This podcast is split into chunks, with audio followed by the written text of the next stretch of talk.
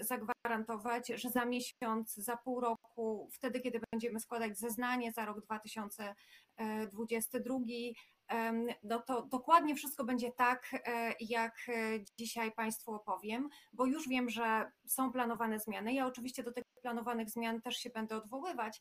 Natomiast no tak dla porządku pokazuję tylko, że mamy ustawę, były już trzy nowelizacje, rozporządzenie, ustawę z 27 stycznia tak naprawdę, która aktualnie czeka na rozpatrzenie e, w Senacie, plus zapowiedzi premiera co do kolejnych zmian.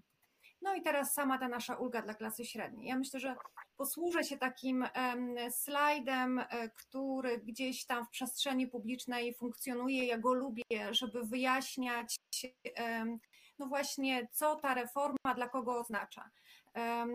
Na, na dole na linii mamy przychody z pracy może nie dochody, e, ale przychody brutto.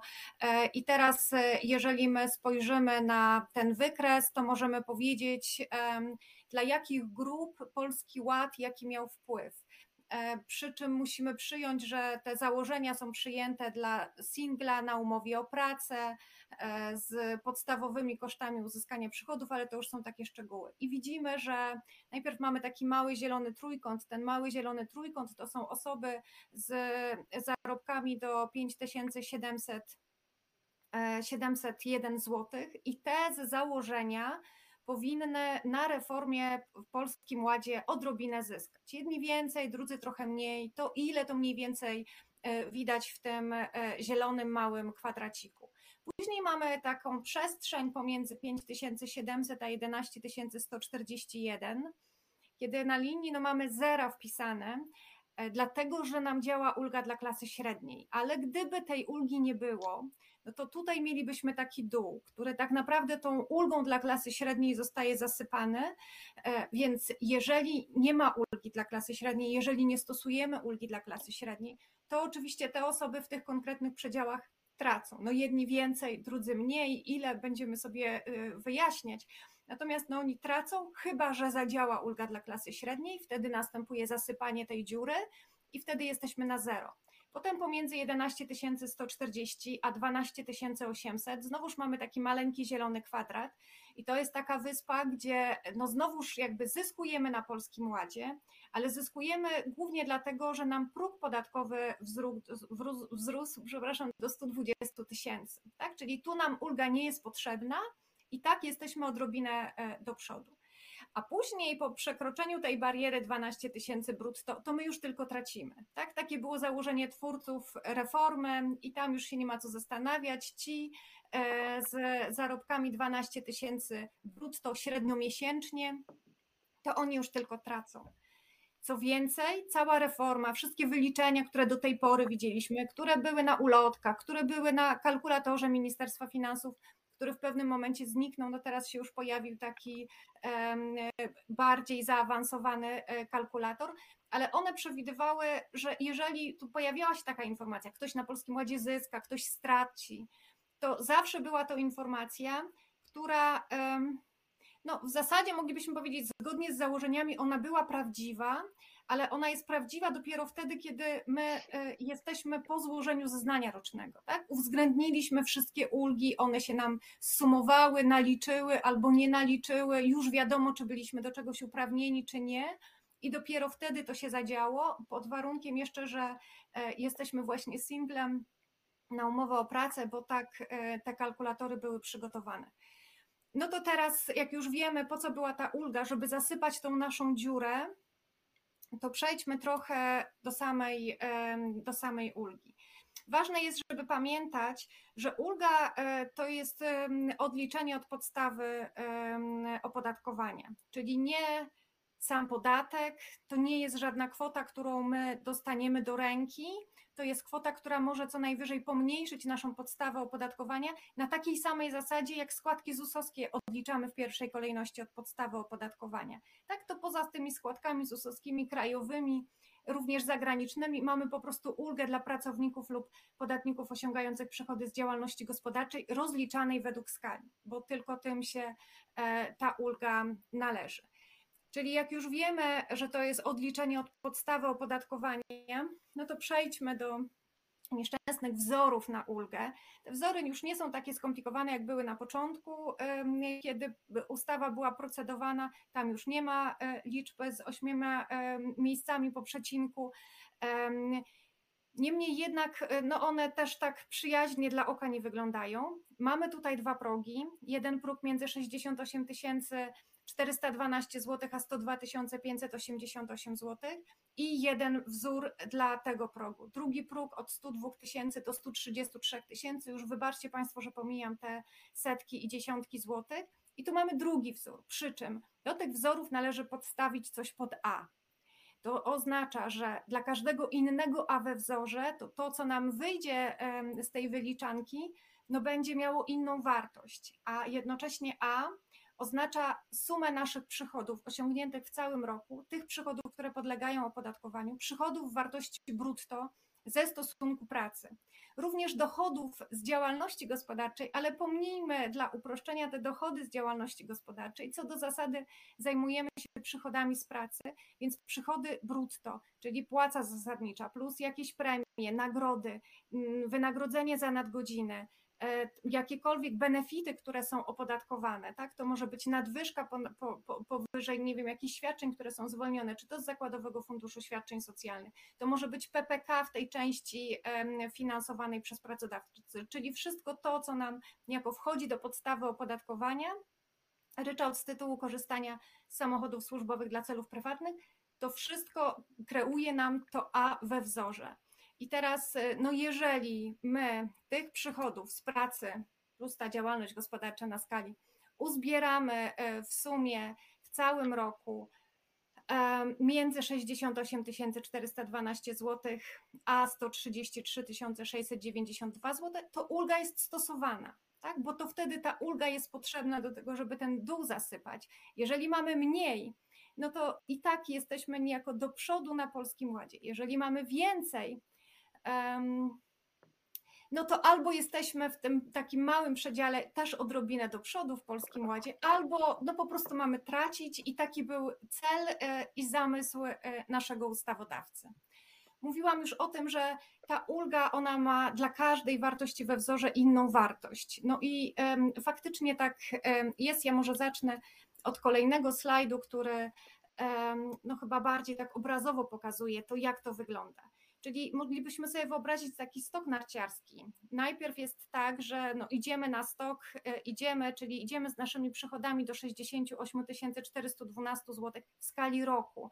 Ulga nam się nie należy. Tak? I teraz ta ulga no, osiągamy jesteśmy u podnóża naszej góry i zaczynamy się wspinać. I wtedy, kiedy nasz przychód wynosi 68 412 zł, to ta ulga już nam się należy, ona wynosi 23 zł, odliczenie od podstawy opodatkowania, czyli jakby wartość tego, co zostaje w naszej kieszeni, to jest takie 17% tego, a to oznacza, no, że to jakieś 3 zł z kawałkiem. A potem, e, jakby im wyższe przychody, tym rośnie nam wartość ulgi. Przy 85 tysiącach, no to sama ulga wynosi 6541 zł odliczenia od podstawy opodatkowania. Potem się dalej wspinamy, wspinamy do 102 588 zł. Wtedy ta wartość ulgi jest najwyższa, przekracza 13 400 zł. No a potem zaczynamy zjeżdżać w dół i to nawet zjeżdżamy w dół trochę szybciej niż się wspinaliśmy. E, zaczyna działać ten drugi wzór, jesteśmy już w drugim progu i w związku z tym, no im wyższe przychody, tym mniejsza ulga. Dla 115 tysięcy to jest 8097 zł odliczenia od podstawy opodatkowania. Ale jak już jesteśmy na samym dole, no to tam dla wartości 133 692 zł, to ta nasza ulga wynosi już tylko 15 zł, co jakby oznacza, że no mamy prawo do skorzystania z ulgi, ale jesteśmy bogatsi o 2 zł 80 groszy. Jeszcze warto pamiętać, że trochę inaczej ta sytuacja może wyglądać przy wspólnym rozliczeniu małżonków. Dlatego, że małżonkowie, ale tylko ci małżonkowie, którzy wybierają wspólne opodatkowanie dla małżonków, więc przede wszystkim mogą to wybrać, mają jakby dwa alternatywne sposoby na to, żeby policzyć sobie ulgę dla klasy średniej. Mogą ją policzyć w sposób klasyczny, czyli podstawiając swoje dochody do wzoru, swoje przychody do wzoru, albo mogą obliczyć tę ulgę, podstawiając do wzoru połowę sumy łącznych przychodów uzyskanych przez małżonków w roku podatkowym. I stosujemy to e, także wtedy, kiedy jeden z małżonków nie ma żadnych dochodów. Ważne jest tylko, żeby połowa sumy naszych przychodów plus tych dochodów z działalności gospodarczej, bo o nich e, opodatkowanych na skali, bo o nich nie zapominamy, to mieściła się w tym przedziale między te 68 tysięcy a 133 tysiące. Czyli gdybyśmy mieli jednego z małżonków, który ma 50 tysięcy, on się niejako tak kolokwialnie na ulgę nie załapie, bo ma za mało. Drugi ma 150 tysięcy, on też się na ulgę nie załapie, bo ma za mało. Ale gdy połączą swoje siły w zeznaniu rocznym, no to nagle mamy 50 plus 150, 200, 200 na pół 100. 100 jak najbardziej łapie się do ulgi, co więcej, jakby ulga przy tych przychodach 100 tysięcy jest jedna z najwyższych. Ona wynosi wtedy prawie 12 czy ponad 12 tysięcy złotych. Więc zarówno ten, co ma 50 tysięcy przychodów, jak i ten, co ma 150 tysięcy przychodów, może od swojego dochodu odliczyć składki ZUS-owskie, a potem odliczamy jeszcze tę E, tą ulgę dla klasy średniej i dopiero wtedy sumujemy nasze dochody uprzednio pomniejszone przez każdego z małżonków. Dzielimy na pół, liczymy podatek i podatek mnożymy przez e, dwa. Problem tylko mamy wtedy, kiedy jeden z małżonków nie ma żadnych dochodów. Oczywiście możemy wtedy zastosować naszą ulgę, E, bo przyjmijmy, że mamy jednego małżonka, który ma 0, bo nie pracuje, a drugi ma 200. No to teraz ten, co ma 200, on nie skorzysta z tego rozwiązania, bo ma za dużo. Ten, co ma 0, nie skorzysta, no bo, bo ma za mało. Łączymy nasze siły, mamy razem 200, podzielić na pół, mamy 100. Jeżeli mamy 100, to wyliczamy sobie ulgę, podstawiając do wzoru 100. No znowu mamy te 12 tysięcy ulgi. No i teraz w pierwszej kolejności każdy z małżonków powinien pomniejszyć swój dochód o ulgę. No to ten, co ma 200 tysięcy, pomniejsza o te 12 tysięcy, a ten, co ma zero, to nie bardzo ma co pomniejszyć. I tu mam taki na przykład spór z Ministerstwem Finansów, dlatego że oni w odpowiedziach na pytania, e, zresztą w takim sprostowaniu na przykład do publikacji e, jednej z gazet piszą, że no wtedy każdy z małżonków dokona odliczenia. No dzisiejszy formularz, ani dzisiejsze przepisy w mojej ocenie na to nie pozwalają. Dzisiaj, gdybyśmy chcieli przy wspólnym rozliczeniu z małżonków dokonać jakiegokolwiek odliczenia w taki sposób, żeby powodowałoby to, że jakby dochody małżonka są mniejsze niż zero, nie jesteśmy w stanie tego zrobić. Ale nie wiem, może przygotują taki formularz na przyszły rok, który będzie coś takiego umożliwiał. Ale zwracam uwagę, że no jakby z takiej konstrukcji matematycznej, z brzmienia przepisów na chwilę obecną coś takiego jest e, niemożliwe. To byli ci nasi małżonkowie. A jeszcze przy tych małżonkach powiem tak. Każdy z małżonków może w ten sposób odliczyć wartość ulgi, może, ale nie musi, tak? To jest jego, to jest jego taka dodatkowa opcja, z której on może skorzystać. Czasem może być tak, że nam się bardziej opłaca, żeby tylko jeden z małżonków obliczył swoją ulgę dla swojego przychodu i ona na przykład będzie duża, niż żebyśmy liczyli ulgę od połowy sumy łącznych przychodów. Gdybyśmy sobie wyobrazili taką sytuację, że jeden z małżonków ma 100 tysięcy, a drugi z małżonków ma 160 tysięcy, no to oczywiście ten pierwszy się łapie sam z siebie na ulgę, ten drugi ma za dużo. Łączymy te przychody, mamy razem 260. 260 na pół to jest 130 tysięcy. 130 tysięcy w dalszym ciągu mieści się w przedziale do ulgi. Ale gdybyśmy policzyli wartość ulgi dla kwoty 130 tysięcy, to nawet jeżeli będziemy mogli skorzystać z dwóch tych ulg, to ich wartość będzie dużo, dużo mniejsza niż jedna ulga policzona dla wartości 100 tysięcy. Tak? Czyli tu pamiętamy, musimy sprawdzać, co będzie dla nas lepsze. Ale to jest wszystko w zeznaniu rocznym. Natomiast trochę inaczej jest w zaliczkach.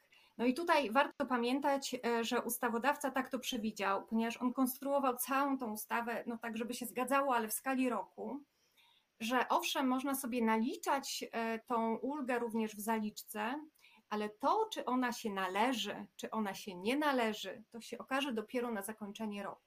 W związku z tym trzeba pamiętać, że to, co nam nalicza e, pracodawca jako ulga dla klasy średniej, nie ma charakteru definitywnego. no po prostu nalicza, y, bo mu tak nakazał ustawodawca, ale to, czy to się należy, czy to się nie należy, albo czy to będzie taka wartość, czy inna, no to zobaczymy. Tak? No i teraz co robi nasz pracodawca? Za te miesiące, kiedy w tym zakładzie pracy my mamy przychody z pracy w przedziale od 5701 do 11141, to nam nasz pracodawca nalicza tą ulgę, podstawiając to, co wychodzi z tych naszych przychodów, wszystkich przychodów brutto do wzoru, znowuż do jednego wzoru albo do drugiego wzoru.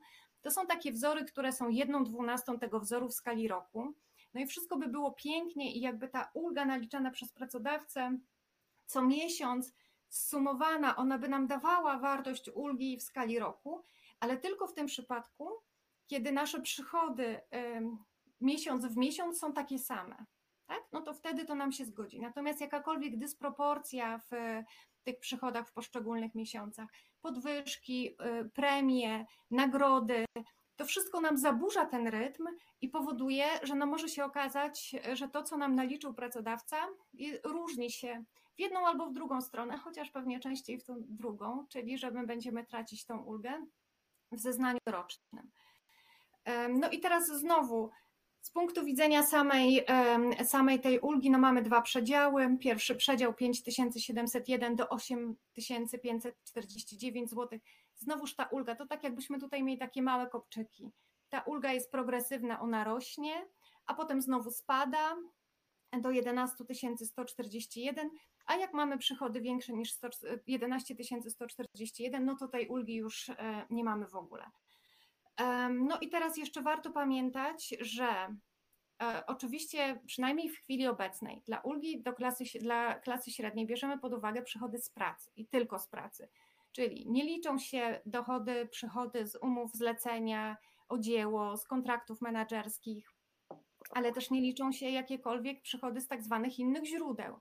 Tak? Czyli tutaj wynagrodzenie za czas choroby za te pierwsze 33 dni czy 14 u starszych osób, ok, to jest jeszcze przychód z pracy, natomiast już zasiłek chorobowy czy zasiłek macierzyński to już nie jest przychód z pracy, to już są tak zwane inne źródła. W związku z tym, no tutaj może mo, mogą się zadziać różne historie. Nawet samo to wynagrodzenie za czas choroby, jeżeli ono będzie wynosiło 80% naszego wynagrodzenia, to też może się okazać, że w danym miesiącu to ja już nie mam ulgi, E, bo na przykład miałam 6 tysięcy brutto, e, od tego co miesiąc ulga była naliczana, no a w pewnym miesiącu jestem chora, to ciągle jest, są przychody z pracy, no ale te 80% spowodowało, że, że te moje przychody spadły do, nie wiem, 5500, tak? No i wtedy już tej ulgi nie mam, a w zeznaniu rocznym wyjdzie jakoś zupełnie inaczej. E, no najsłabsze są te zasiłki chorobowe czy zasiłki macierzyńskie, no bo one oznaczają, że zwyczajnie może być tak, że my otrzymujemy to wynagrodzenie, my jako ta osoba otrzymująca zasiłek macierzyński na przykład, a ono się w ogóle do tej ulgi nie liczy. Czyli jakbyśmy sobie wyobrazili, że my mamy takie cztery, że my przez pół roku pracujemy, czyli przez pół roku mamy na przykład wynagrodzenie 8 tysięcy złotych, dla którego ulga jest całkiem spora, e, no a po pół roku idziemy na zasiłek macierzyński, 6 razy 8, 48, okazuje się, że przychodów z pracy na koniec roku to my mamy tylko 48 tysięcy, więc za mało do ulgi. I całą tą ulgę, którą nam naliczył pracodawca, trzeba oddać w zeznaniu rocznym. Co prawda tutaj premier ostatnio obiecał, znaczy nie tak ostatnio, no na konferencji piątkowej obiecał, slajdy też były, że zasiłki opodatkowane z ZUS będą objęte ulgą dla klasy średniej. Także tutaj bardzo mocno trzymam premiera za słowo, że te zasiłki chorobowe, zasiłek macierzyński, opieka nad dzieckiem, one też będą się liczyły do e, ulgi dla klasy średniej i nie będzie tak, że jak tutaj planuję ciążę albo albo jestem w ciąży, to pierwsze, co muszę zrobić, to muszę myśleć o tym, żeby wycofać wniosek o stosowanie ulgi, dla, żeby złożyć wniosek o niestosowanie ulgi dla klasy średniej, bo inaczej będę musiała oddawać przy zeznaniu rocznym. Oczywiście znowuż jest tak, że dla każdej wartości A we wzorze to wartość ulgi jest inna. Czyli tutaj, ale ona może być bardzo niewielka, tak? Dla przychodów 5700 no to taka realna korzyść to jest 30 groszy. Dla przychodów 6000 zł, no to jest jakieś 20 zł. I tak to rośnie, rośnie dla przychodów 7 tysięcy, no to już jest 87 zł. Największą wartość ta ulga osiąga no właśnie wtedy na, na tej granicy pomiędzy dwoma przedziałami, czyli 8549. Wtedy jej wpływ na netto no to jest takie 190 zł. Tak? Także um, wtedy, kiedy no nasze przychody są na poziomie 8, 8,5 tysiąca, 9, 9,5 tysięcy, to wartość tej ulgi jest taka powyżej 150 zł. Tak? Natomiast jeżeli jesteśmy jakby u podnóża tego pagórka z jednej albo z drugiej strony, no to ta wartość może mieć e, taką wartość w sensie wpływ na nasze netto. Tak? To, to są kwestie groszowe albo kilkanaście złotych czy kilkadziesiąt złotych. Jeszcze takie szybkie dwa przykłady. Jak, jak pracownik zarabia 5 tysięcy złotych miesięcznie, ulga mu się nie należy. Jak dostanie nagrodę, to w tym miesiącu już ma razem 7 tysięcy, ulga mu się należy, e, wyniesie 512 złotych, czyli on dostanie e, jakieś 87 złotych więcej na rachunek. Natomiast składając zeznanie roczne, no to sumujemy wszystkie przychody, okazuje się, że ma 62 tysiące, bo 5 razy 12 60 plus 2 62 no to za mało, tak? Za mało do ulgi, w związku z tym te 87 zł, które na przykład w lutym dostał, e, w kwietniu przyszłego roku będzie musiał oddać. E, w innym przykładzie, jak pracownik zarabia 10 tysięcy miesięcznie, no to co miesiąc mu się ulga należy, ale jak w jednym miesiącu dostanie jeszcze premię i ma razem 14 tysięcy, to za ten konkretny miesiąc ulga mu się nie należy. Składa zeznanie roczne, liczy swoje przychody, ma ich razem 124 tysiące, E, I ta ulga jest też zupełnie inna niż to, co mu naliczył pracodawca. W tym konkretnym przypadku otrzyma zwrot na poziomie 210 zł. To bardziej taki drastyczny przykład, jakbyśmy mieli do czynienia z premią na koniec roku. Mamy wynagrodzenie miesięczne 8 tysięcy, ulga nam się nalicza, nalicza, nalicza, przez te 11 miesięcy już jej się naliczyło 9958 zł i nagle w grudniu dostajemy sowitą premię 40 tysięcy złotych, więc za grudzień już nam nikt żadnej ulgi nie naliczy. Co więcej, nasze przychody w skali roku wyniosły 136 tysięcy, więc w ogóle wypadliśmy poza ulgę, więc teraz to wszystko, co nam pracodawca naliczał, musimy oddać. Do dopłaty w zeznaniu rocznym jakieś 1700 zł z tego tytułu jest. Ale gdyby było tak, że my się jednak w tej uldze ciągle, w tym limicie ciągle mieścimy. To znaczy nasza premia wyniosła 30 tysięcy złotych, czyli nasze łączne przychody w skali roku to nie 136 tysięcy, a 126 tysięcy. No to niby się mieścimy. Ale znowuż znaleźliśmy się na zupełnie innej części tego pagórka, prawie na samym dole. W związku z tym wartość ulgi E, w skali roku będzie zupełnie inna niż wartość ulgi naliczona przez pracodawcę i tak będzie do dopłaty 1125 zł. Bo wszelkie dysproporcje, im większe te dysproporcje w poszczególnych miesiącach, tym te różnice będą bardziej widoczne. Aczkolwiek nigdy nie będzie tak, że nam się nie opłaca, nam jako pracownikowi, nam się nie opłaca przyjąć premii czy podwyżki, bo stracimy ulgę. No oczywiście, że e, może być tak, że ją stracimy, ale teraz no w tych konkretnych przypadkach, no ja bym wolała przygarnąć premię na poziomie 30 tysięcy, nawet wiedząc, że muszę dopłacić w zeznaniu rocznym 1100, albo przygarnąć premię 40 tysięcy, wiedząc, że do dopłaty będzie 1700. Im większa premia, tym być może większa będzie dopłata, natomiast nie powinno być tak z takiego matematycznego punktu widzenia, żebyśmy musieli oddać więcej niż ta premia czy nagroda, którą otrzymaliśmy. E, no jeszcze możemy spojrzeć na tą ulgę w taki sposób, że w zasadzie to nigdy nam się nie opłaca składać wniosku o niepomniejszanie dochodu o ulgę dla, e, dla e, klasy średniej, dlatego że biorąc pod uwagę wartość pieniądza w czasie, biorąc pod uwagę inflację, no możemy podejść do tego tak, kurczę, no będę musiała oddać, ale będę musiała oddać to, co dzisiaj dostanę więcej.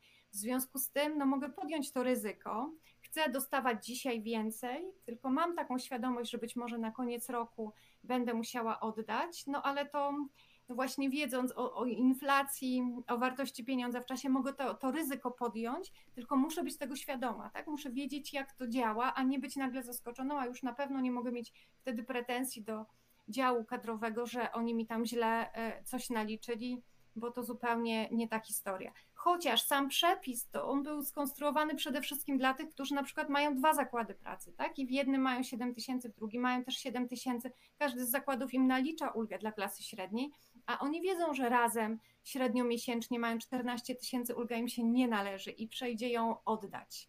Chociaż też mogą podjąć decyzję, no dobrze, no to wtedy oddamy. Są też tacy, którzy myślą sobie, no tak, ale ja mam przecież ulgę na dzieci, które rozliczę dopiero w zeznaniu rocznym. W związku z tym, nawet jak mi wyjdzie ta ulga w ciągu, w zaliczkach, no to ja ją rozliczę, e, z, skompensuję z ulgą na dzieci i nie, nie, nie dostanę zwrotu z tego tytułu, ale też nie będę musiała niczego dopłacać, a będę te pieniądze miała tu i teraz. Więc takich historii e, czy sytuacji można sobie wyobrazić bardzo wiele.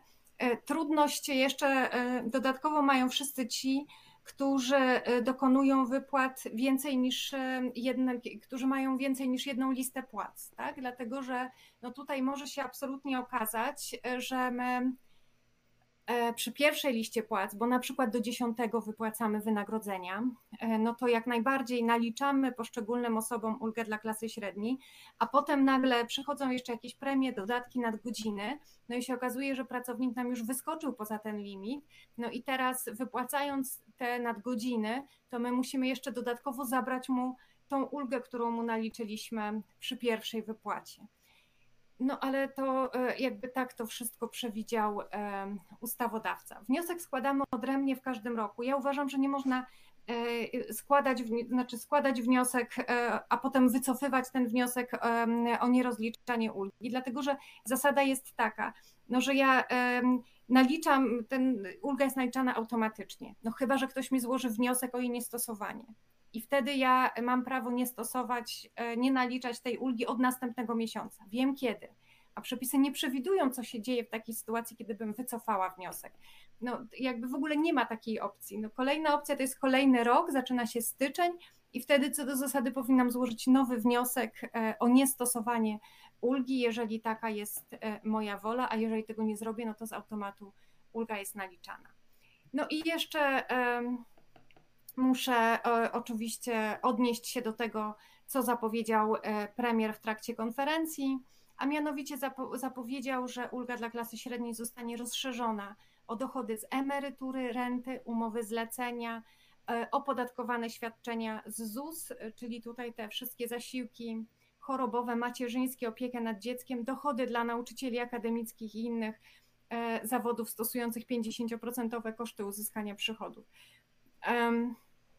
Tutaj była też jeszcze ta gwarancja do tych 12 800. Mam nadzieję, że teraz już Państwo rozumiecie, z czego się wzięła kwota 12 800 i taka możliwość rozliczenia według starych zasad, ale zwracam tylko uwagę, na innym slajdzie zostało wprost wskazane, że ta zasada tutaj złotówkę za złotówkę, albo że tutaj będziemy się mogli rozliczyć według starych zasad, dotyczy tylko i wyłącznie tych, którzy na koniec roku rozliczają się na podstawie PIT-u 37. PIT 37 to jest ten, gdzie my mamy przychody wyłącznie od płatnika, tak? czyli nie jest to um, taka, taka szeroka deklaracja, tylko wyłącznie adresowana do określonych grup. No dobrze, i to w zasadzie jest e, tyle, jeżeli chodzi o przynajmniej slajdy, które dla Państwa przygotowałam. Natomiast e, bardzo chętnie teraz posłucham pytań, o ile takie jeszcze są.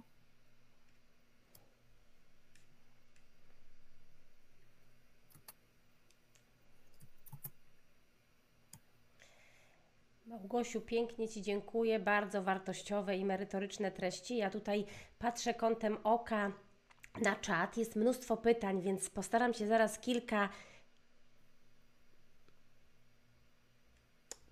Także zaraz e, postaram się je udostępnić.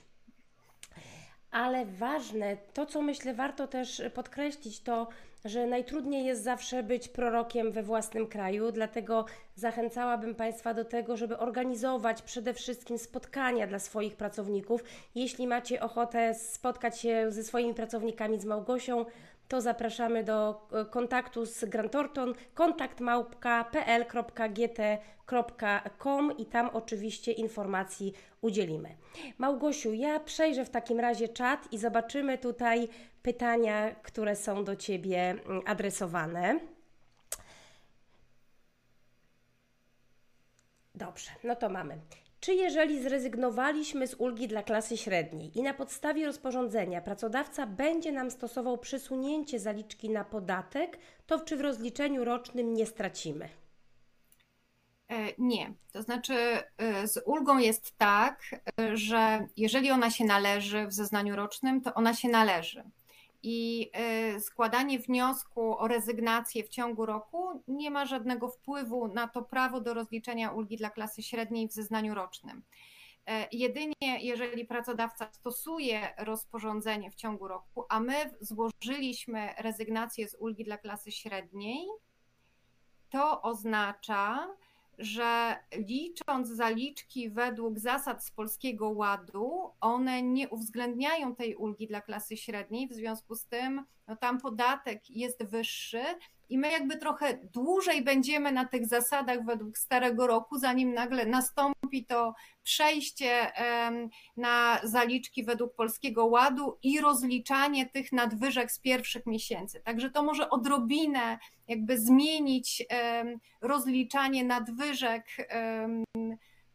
związanych no, z tymi przesunięciami, natomiast w zeznaniu rocznym nie powinno być żadnej różnicy zakładając też, że my na przykład nie zmienimy pracodawcy w ciągu roku, tak? Bo dla mnie samo rozporządzenie czy ta idea, ona jest bardzo niebezpieczna w stosunku Dobrze. do tych osób, które e, zmienią pracodawcę w ciągu roku. Ale to już jakby zupełnie inny temat.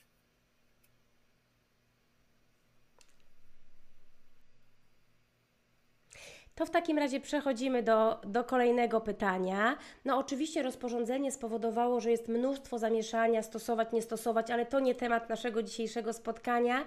Natomiast jest tutaj pytanie troszkę związane z, z, z tym rozporządzeniem właśnie. Czy jeśli rozporządzenie zastosujemy dopiero od lutego, to musimy wyrównywać zaliczkę też za styczeń, jest takie pytanie. No tak, no to jest takie pytanie kompletnie nie o uldze dla klasy średniej. Nie wiem, tutaj można by było mieć różne opinie. Ja mam taką, e, że nie musimy ruszać tego stycznia, e, aczkolwiek mówię to na podstawie projektu, czy tej ustawy 7 stycznia przez Sejm jest teraz e, przedmiotem prac w Senacie. No i tam jest odwołanie e, no w zasadzie do zaliczek od lutego. Zakładam, że ustawodawca też przyjmuje, że e, no w lutym ta ustawa zostanie uchwalona, znaczy, że ona zostanie uchwalona, zanim trzeba będzie zapłacić jeszcze zaliczkę za luty. I tak nie do końca może się cofnąć e, do 1 stycznia. I niby mamy tutaj takie zastosowanie tych przepisów i rozliczeń od 1 stycznia do końca roku, aczkolwiek wprost przepisy mówią o lutym, e, więc ja mam trochę takie poczucie, że z tym styczniem to jest tak, jak komu pasuje, jak komu wygodnie, i wtedy znajdzie się uzasadnienie do każdej podjętej decyzji.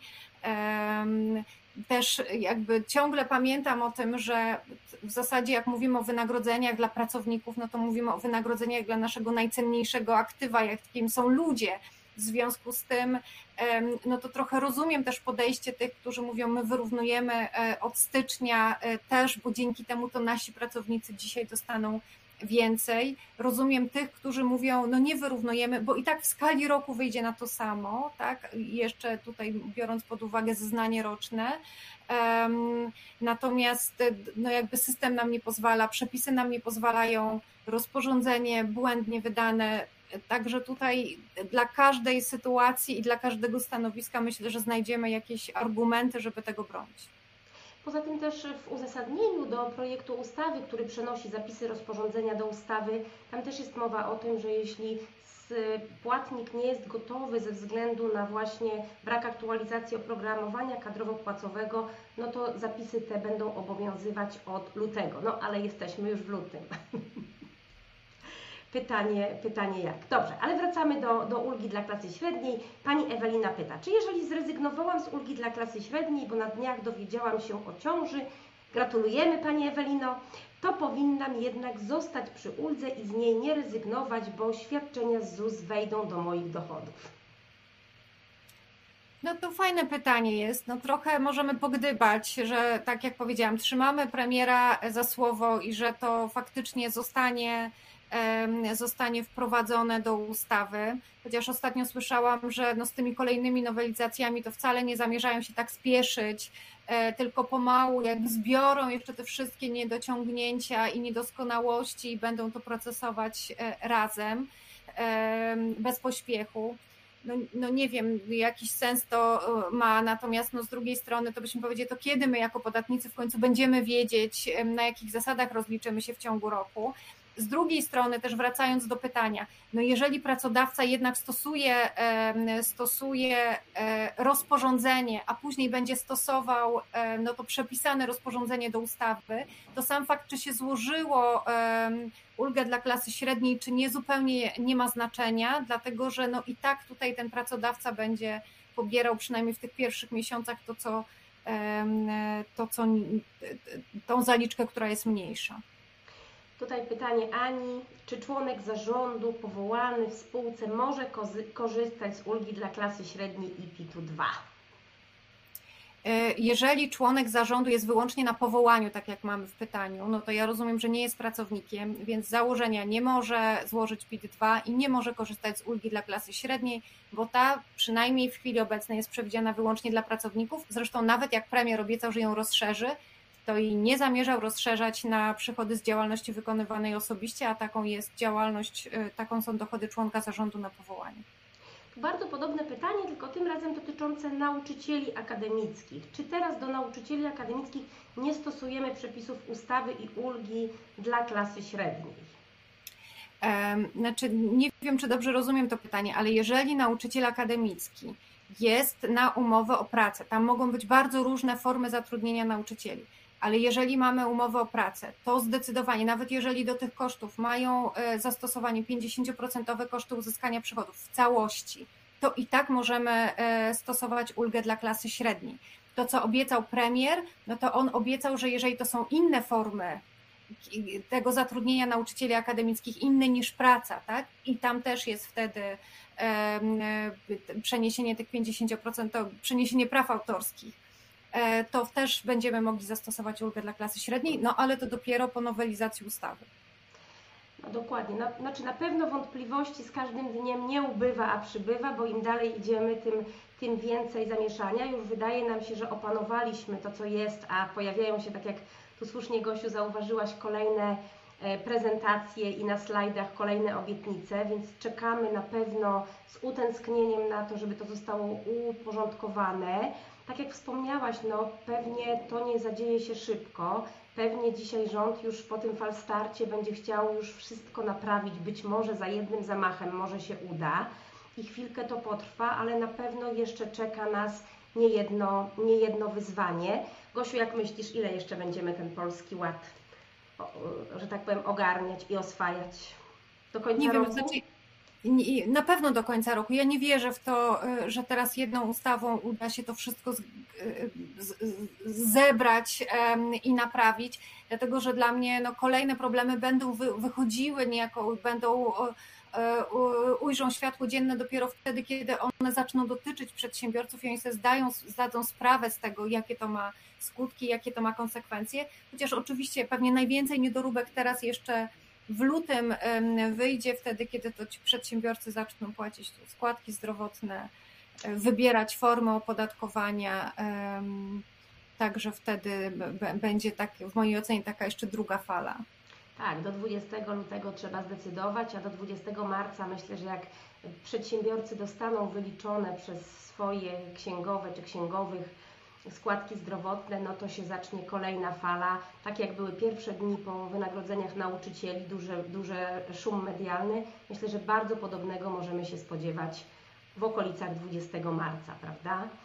E, ja spoglądam kątem oka tutaj na pytania. Bardzo dużo tych pytań, które się pojawiały, to są pytania, na które w trakcie prezentacji Małgosia już odpowiedziała, więc też szanując czas y, Małgosi, że zgodziła się tutaj dzisiaj z nami być, nie będę tych pytań cytowała. Wszystkie osoby, które się spóźniły na nasze dzisiejsze spotkanie, serdecznie zachęcamy do tego, żeby sobie odtworzyły i żeby raz jeszcze sobie obejrzały to nagranie, posłuchając uważnie prezentacji, którą Małgosia opowiedziała. Naprawdę bardzo dużo wiedzy i dużo informacji można tam, tam zdobyć. Małgosiu, jakbyś mogła tak od siebie bo my tutaj w większości spotykamy się w tym gronie, w gronie specjalistów do spraw kadry płac, ale również menadżerów, HR dyrektorów, osób, które no, za cały ten chaos, że tak powiem, odpowiedzialne są komunikacyjnie w organizacjach. Co byś doradziła? E, jak do tego podejść, bo też bardzo często słyszymy o tym, że pracownicy przychodzą z pretensjami.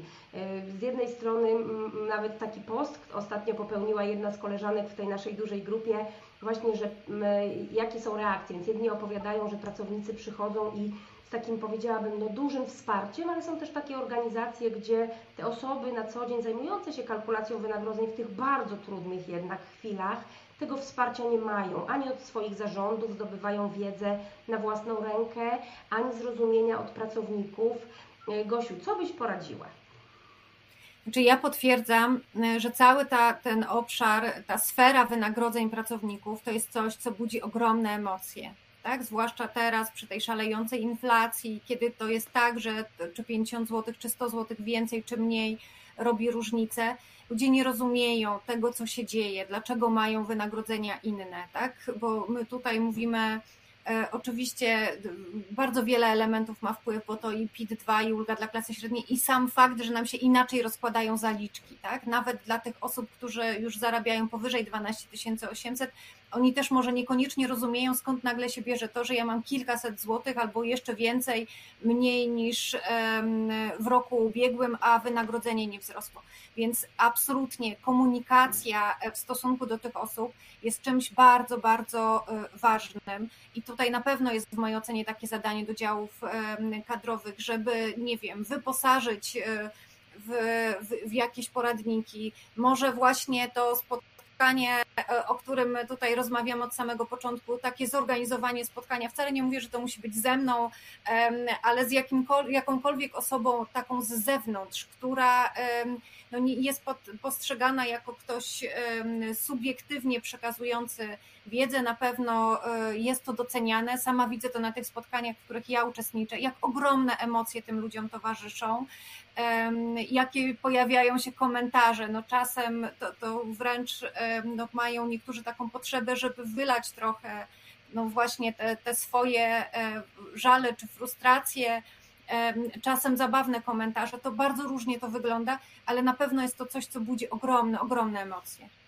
Chyba jeszcze nigdy w historii, jak pracuję od momentu, kiedy była reforma systemu ubezpieczeń społecznych, to mam wrażenie, że nigdy tak bardzo nie potrzebowaliśmy właśnie tej dodatkowej wiedzy, czyli osoby, które tak naprawdę no, powinny znać się na podatkach tyle o ile, że podatki są, że podatki trzeba płacić, na co idą te podatki, bo myślę, że to też jest warte, ważne. O tym też tydzień temu z profesorem Mariańskim mówiliśmy o, o, jakby i o systemach podatkowych i tak dalej. Natomiast no takie powiedziałabym technikalia kalkulacji podatków, no to nie było nigdy w kręgu zainteresowań podatnika. Dziś ten podatnik, czy ten nasz pracownik, nasz zleceniobiorca, on musi tak naprawdę wiedzieć, e, w cudzysłowie, na co się pisze, bo z jednej strony, czy rezygnując z ulgi dla klasy średniej, czy rezygnując z PIT-u 2, składając PIT 2 i tak dalej, i tak dalej, no jakie to generalnie będzie miało dla niego konsekwencje, prawda? Więc jakby rozumiem też, Gosiu, że te spotkania, w których y, uczestniczysz praktycznie codziennie od rana do wieczora w wielu firmach, to one głównie na tym się skupiają, prawda?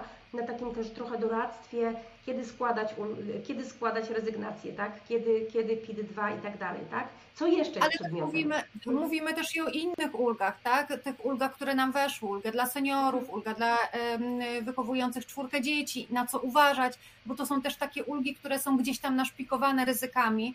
Jak e, nawet czytamy broszurę Ministerstwa Finansów, to nie zawsze jest tak, że te wszystkie ryzyka, one są takie wyboldowane i wypunktowane, mhm. tak? To zazwyczaj te korzyści są tam naświetlone, więc to też jest bardzo ważne. Tym bardziej, że przecież przyzwyczailiśmy niejako naszych pracowników do tego, że no w zasadzie to ta zaliczka naliczana przez pracodawcę w ciągu roku, no to ona jest równa temu, co ja mam do zapłaty w zeznaniu rocznym.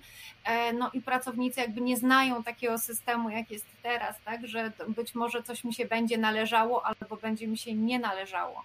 To tutaj dla mnie no, królową jest ta ulga dla wychowujących czwórkę dzieci, kiedy my możemy mieć przychody zwolnione przez cały rok 85 tysięcy złotych, a na koniec roku okazuje się, że ulga jednak nam się z jakiegoś powodu nie należy, no bo wtedy do dopłaty to nie jest 5100, to nie jest kilkaset złotych, tylko to jest ponad 14 tysięcy od jednego rodzica. Więc jeżeli dojdzie nam jeszcze 14 tysięcy od drugiego rodzica, no to zakładam, że to może być yy, kwota niemalże nie do udźwignięcia. Tak. Ja widzę kątem oka, że tu mnóstwo pytań o kontakt Małgosiu do Ciebie, więc ja proponuję, żeby ten kontakt nie był bezpośredni do Małgosi, choć pewnie jak ktoś sobie zada trudu, to go znajdzie. Małgosia ma bardzo dużo pracy, jej skrzynka mailowa jest naprawdę bardzo, powiedziałabym, no, y, trudna do przekopania się codziennie, ale ma, do, ma pomocników. Mamy tutaj takich fioletowych pomocników Grant Thornton, więc zapraszamy do kontaktu kontakt małpa, Monik, e, przepraszam, kontakt małpa pl.gt.com, tak? Gdyby ktoś z mojej ekipy, nie wiem, czy jest z nami Kasia, Witek, widzę kątem oka, to napiszcie proszę ten adres mailowy kontakt i tam można będzie e, w ten sposób nawiązać taki szybszy i łatwiejszy sposób z Małgosią i oczywiście takie spotkanie zorganizować. Także widzę, Gosiu, że tutaj chyba będziesz miała po powrocie z urlopu pełne ręce pracy. Musisz szybko wypoczywać. Ja na pracę i tak nie narzekam, to od razu, jeżeli mam taką tak. możliwość, to przepraszam, jeżeli tutaj nie będziemy natychmiast reagować i natychmiast odpowiadać. Bardzo mocno zachęcam też, nie wiem, można mnie obserwować na LinkedInie czy gdzieś e, na Twitterze. Staram się, jak mogę, tłumaczyć różne zawiłości, e, również za pomocą tych e, różnych instrumentów dostępnych. W związku z tym serdecznie zapraszam. Tak, co prawda nie jest to tematem naszego dzisiejszego spotkania, ale pięknie ostatnio opowiadasz o Uldze Pałacyk Plus. Nie wiem, czy Państwo na, o Uldze Pałacyk Plus słyszeli. Jeśli nie, to koniecznie szukajcie na LinkedInie i na Twitterze Małgorzata Samborska, Małgosia rozkłada wszystkie te, e, że tak powiem, no, cudactwa bym powiedziała, tak? Polskiego Ładu naprawdę na, na, czynniki, na czynniki pierwsze. Także e, Gosiu, no ja wiem, że Ty jesteś bardzo zapracowana, wiem, że specjalnie przyjechałaś do biura, żeby się dzisiaj z nami połączyć, więc nie mam już sumienia dłużej Cię trzymać. Serdecznie Ci dziękuję. W tej chwili poprosimy o serducha dla Małgosi. Wielkie podziękowania że zgodziłaś się spędzić z nami tę tą prawie godzinę. Niesamowita dawka bardzo wartościowych informacji. Tutaj zresztą na czacie widzę, że wszyscy Ci pięknie dziękują za bardzo wartościowe treści. Także ślicznie Ci dziękuję. Życzymy wszystkim dobrej nocy i do zobaczenia za tydzień, a za tydzień będziemy spotykali się w serii y, kolejnego HR Detektywa, a za dwa tygodnie będzie kolejny znamienity gość. Gosiu, pięknie dziękuję, Państwu również dziękuję za uwagę. Wiesz, ile osób było z nami w piku? 2980 osób.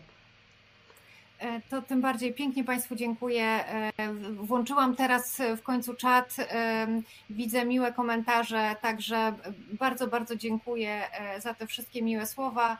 E, tak jak mówię, proszę śledzić, e, na pewno będę wpisywać kolejne komentarze, bo dla mnie Polski Ład jest całkowicie niewyczerpanym źródłem tematów, więc jak tylko znajduję wolną chwilę, to coś tam, jakąś perełkę wyszukuję i opisuję. Dziękuję, dziękuję Ci ślicznie, dziękuję Państwu, życzę wszystkim dobrej nocy i do zobaczenia. Do widzenia.